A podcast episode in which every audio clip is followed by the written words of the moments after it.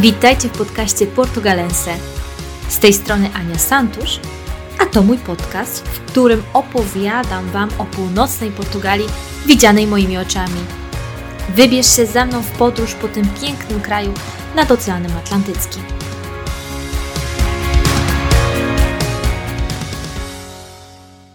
Hola!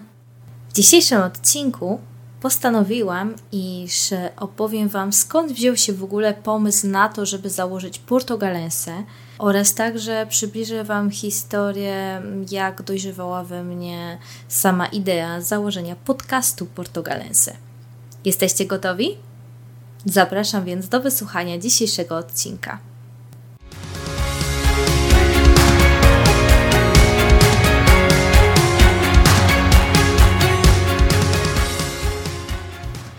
Bloga Portugalense założyłam w marcu 2017 roku. Dlaczego w ogóle się na to zdecydowałam? E, mieszkałam już w Portugalii od jakiegoś czasu. Byłam już e, po moim Erasmusie w Porto i także po moich praktykach absolwenckich w ramach programu Erasmus, także w Porto. Zaczęłam także pracę w jednej z piwnic w Porto e, miesiąc wcześniej i jako, że w pracy zaczęłam spotykać Polaków, którzy wtedy myślę, że dosyć życzliwie nawet reagowali na to, że spotykają kogoś z swojego kraju. Zadawali mi dosyć dużo pytań odnośnie do samego miasta, stąd też postanowiłam, że fajnie by było mieć bloga, na którym mogłabym poruszać tematy związane właśnie z miastem. Na samym początku zakładałam, że będzie to głównie blog o tematyce dotyczącej miasta Porto, natomiast e, z czasem e, skupiłam się na całym terytorium północnej Portugalii. Skąd w ogóle pomysł na pisanie bloga? Jako mała dziewczynka, później jako nastolatka miałam tam jakieś już swoje blogi, e, które zakładałam wtedy i na Onecie, i potem chyba na Blogspocie. Także to pisanie towarzyszyło mi, myślę, że już od e, młodzieńczych lat. Lubiłam to, lubiłam ten sam moment otwierania przeglądarki, otwierania arkusza, właśnie, w, który w panelu pozwalał mi na tworzenie nowego wpisu. Myślę, że to jest e, ta część, która sprawiała mi dużą przyjemność, więc w przypadku Portugalii postanowiłam, że dlaczego by nie? Czemu by nie spróbować właśnie pisać mojego autorskiego bloga o Porto? Oczywiście trzeba było wymyślić jakąś nazwę dla samej domeny. Mimo, że ten pierwszy blog, który napisałam, powstał na blogspocie, to i tak potrzebowałam e, po prostu jakiejś nazwy dla niego i wymyśliłam, że będzie to Portugalense. Dlaczego w ogóle Portugalense? Co to w ogóle znaczy? Bardzo wiele osób e, mi się o to pyta. Też zazwyczaj w różnego rodzaju poradnikach odnośnie do blogowania i odnośnie do zakładania własnej marki i tak dalej. Poleca się, żeby jednak to były jakieś nazwy łatwe w, zapamiętywaniu, łatwe do napisania, a no pewnie jak sami możecie się o tym przekonać, portugalense do takich nazw łatwych nie zależy. Natomiast ma ono swoją symboliczną nazwę. Porto Galense E, czyli e, ten pierwszy człon Porto nawiązuje do miasta Porto, natomiast ten drugi człon Galense nawiązuje do e, nazwy Condado Portucalense, czyli hrabstwo Portucalense. Dawno temu, bo już od IX wieku aż do mm, pierwszej połowy XII wieku, na terenie Portugalii, konkretnie tereny, które mm, znajdowały się na północ od rzeki Tak i rozciągały się aż do regionu Miniu, czyli do regionu portugalskiego graniczącego z Galicją na północy, nosiły nazwę Condado Portucalense. Był to też region, który tak naprawdę zapoczątkował swoimi terenami całe Królestwo Portugalii. Więc można powiedzieć, że to właśnie na tych terenach e, zdecydowano o założeniu e, Królestwa Portugalii. Stąd też wydało mi się to dosyć istotne, jako że w planach było poruszanie tematyki związanej właśnie z terenami na północy kraju, aby ta nazwa również nawiązywała w sposób symboliczny e, do terenów, na których tematy miałam zamiar pisać. I tak też się stało.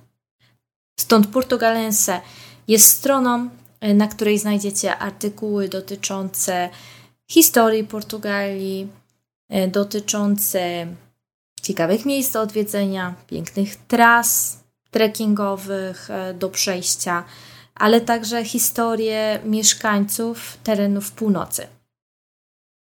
Zahaczam od czasu do czasu także o tę środkową część Portugalii, bo tak jak wspomniałam, hrabstwo portugalense e, również rozciągało się od e, terenów na północ od rzeki Tak. Stąd też y, zahaczam także swoimi historiami, swoimi artykułami o dystrykt Aveiro, Viseu, Coimbra, Guarda i także Castelo Branco. Więc oprócz tych typowych dystryktów północy, od czasu do czasu e, znajdziecie tutaj również materiały związane z tymi pięcioma dystryktami wchodzącymi w skład tak zwanego Centro de Portugal, czyli tak zwanej środkowej części Portugalii.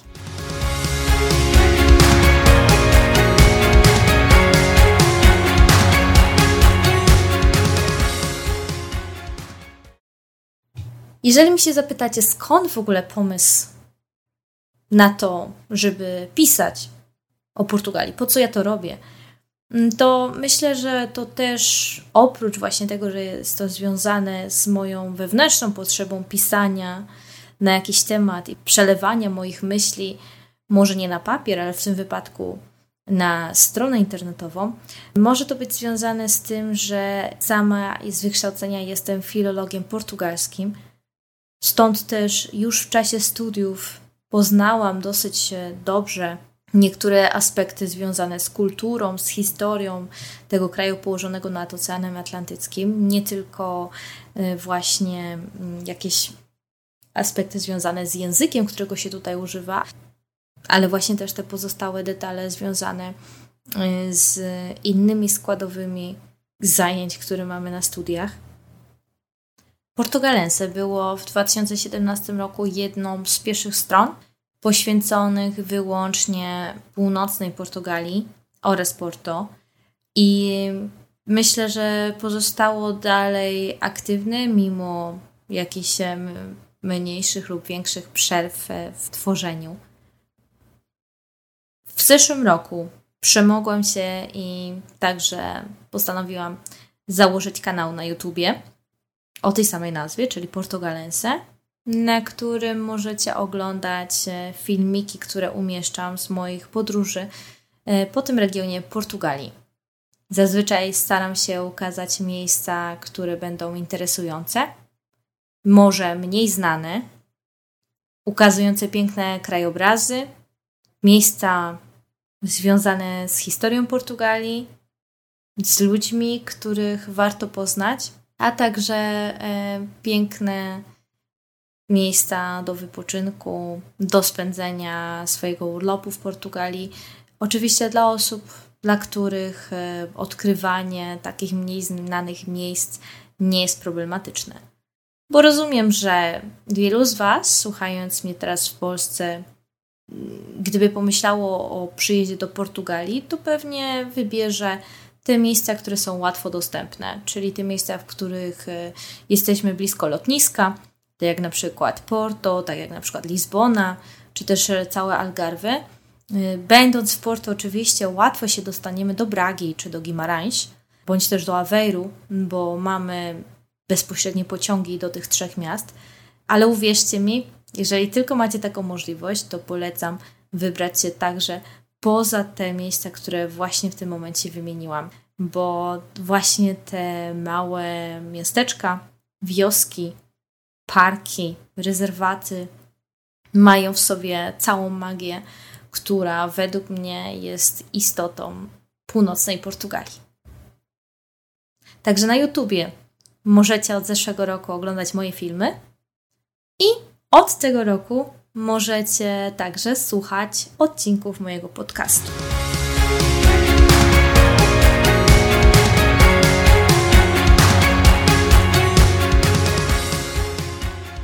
Tak jak wspominałam na samym początku dzisiejszej audycji, chciałam podzielić się w ogóle z Wami moją historią, e, skąd wziął się pomysł na to, aby założyć podcast Portugalense. Generalnie, jeżeli chodzi o podcasty, to zaczęłam słuchać podcastów w pandemii. Myślę, że y, jakoś w październiku 2020 roku to chyba był taki przełomowy moment, kiedy zainstalowałam sobie w ogóle na telefonie komórkowym aplikację Google Podcast. I od tamtej pory zaczęłam odkrywać e, wspaniałe podcasty polskich twórców, w których się absolutnie zakochałam. Sama też e, bardzo długo zbierałam się na to, żeby w ogóle taki podcast założyć, ale tak e, jeszcze w ogóle abstrahując od Portugalii, myślę, że pierwszy moment, kiedy miałam styczność z samym pomysłem założenia podcastu, miał miejsce jeszcze na moich studiach. Pamiętam to dokładnie. Byłam na drugim roku filologii iberyjskiej i jako jedną z metod, aby poprawić e, komunikację w języku obcym, e, było nawiązanie znajomości przez internet z osobami, które są native speakerami. Istnieje kilka takich stron internetowych, na których można takich native speakerów poznać. Jeżeli interesuje Was ten temat, to dajcie znać to wtedy możliwe, że nagram o tym odcinek. W każdym razie poznałam w internecie mojego znajomego, e, Leo, który mieszka w Argentynie i który bardzo mi pomógł podszkolić mój hiszpański. Nie to, żeby mój hiszpański był na tamten czas jakoś bardzo słaby, ale zdecydowanie praktycznie codzienne rozmowy przez Skype'a sprawiły, że złapałam płynność e, w języku i przestałam bać się mówić, co jest bardzo istotne, jeżeli chodzi o języki obce. Podczas jednej z naszych rozmów, tak naprawdę Leo wtedy zasugerował, że może byśmy zaczęli nagrywać podcast, bo to by było coś ciekawego. Na tamten moment pamiętam, że jednym z pomysłów było nagrywanie podcastu dotyczącego nauki języków obcych, w tamtym e, konkretnym momencie miało chodzić o podcast e, związany z nauką języka hiszpańskiego, a dokładnie jak można się uczyć hiszpańskiego, na przykład e, będąc native speakerem jednego z języków, który pochodzi z zupełnie innej rodziny językowej niż język hiszpański. Pamiętam, że wtedy ten pomysł bardzo mi przypadł do gustu jednak e, bardziej sprawa była skomplikowana ze względu na stronę techniczną. Na tamten moment ja jakoś tak bardzo nie interesowałam się nowinkami technologicznymi, nie interesowałam się także jakby oprogramowaniem, nie miałam w ogóle na ten temat pojęcia, jak e, taki podcast nagrać, szczególnie jeżeli chodziło tutaj o podcast prowadzony przez dwie osoby i to dwie osoby, którym trudno było się spotkać na nagrywanie odcinków razem. E, to wszystko musiałoby się odbywać e, w internecie. No i nie do końca wiedziałam, jak to wszystko nagrać.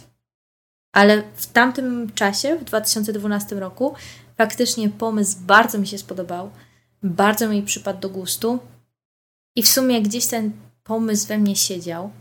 Obudził się ponownie w zeszłym roku.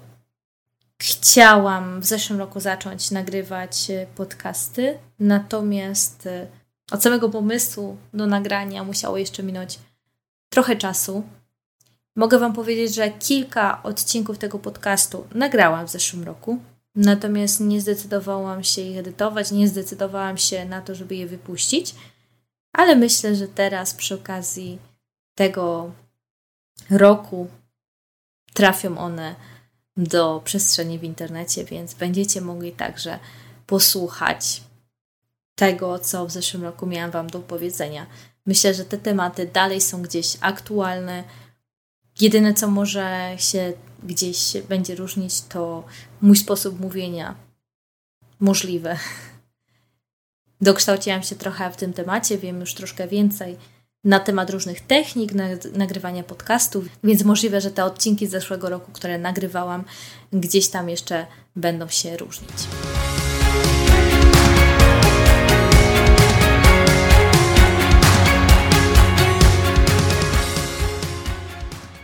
Na ten moment, kiedy nagrywam e, właśnie ten dzisiejszy odcinek, w przestrzeni podcastowej, z tego co się orientuję, nie ma żadnego podcastu, który dotyczyłby w 100% Portugalii. Już nie mówię, że konkretnie północnej Portugalii, ale generalnie Portugalii. Możemy gdzieś tam w internecie znaleźć jakieś e, odcinki związane z przygodami i przeżyciami różnych osób na Erasmusie w Portugalii albo możemy znaleźć jakieś wywiady bądź e, odcinki gościnne podcastów, w których przewodnicy, którzy pracują tutaj w Portugalii na co dzień, opowiadają e, o tym kraju. Natomiast e, na ten moment przynajmniej nie znalazłam żadnego podcastu, który faktycznie poruszałby swoją tematyką w 100% Portugalię. Także myślę, że będę gdzieś pionerką w tej dziedzinie i mam nadzieję, że ten podcast o północnej Portugalii przypadnie Wam do gustu.